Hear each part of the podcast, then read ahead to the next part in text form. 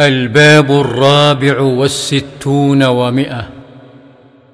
باب فضل من مات له أولاد صغار. عن أنس رضي الله عنه قال قال رسول الله صلى الله عليه وسلم ما من مسلم يموت له ثلاثة لم يبلغ الحنث إلا أدخله الله الجنة بفضل رحمته إياهم.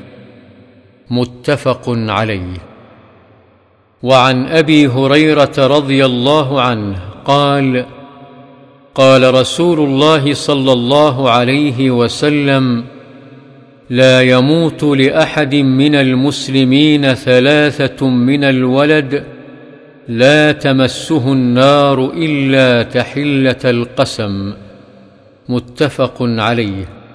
وتحلة القسم قول الله تعالى وإن منكم إلا واردها والورود هو العبور على الصراط وهو جسر منصوب على ظهر جهنم عافانا الله منها.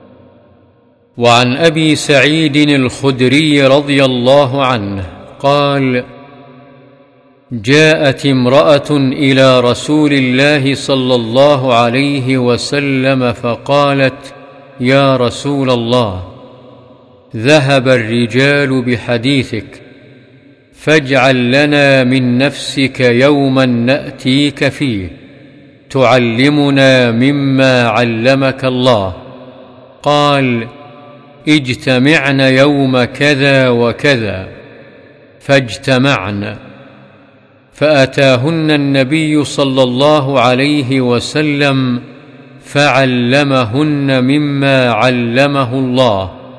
ثم قال ما منكن من امرأة تقدم ثلاثة من الولد إلا كانوا لها حجابا من النار. فقالت امرأة واثنين فقال رسول الله صلى الله عليه وسلم واثنين متفق عليه.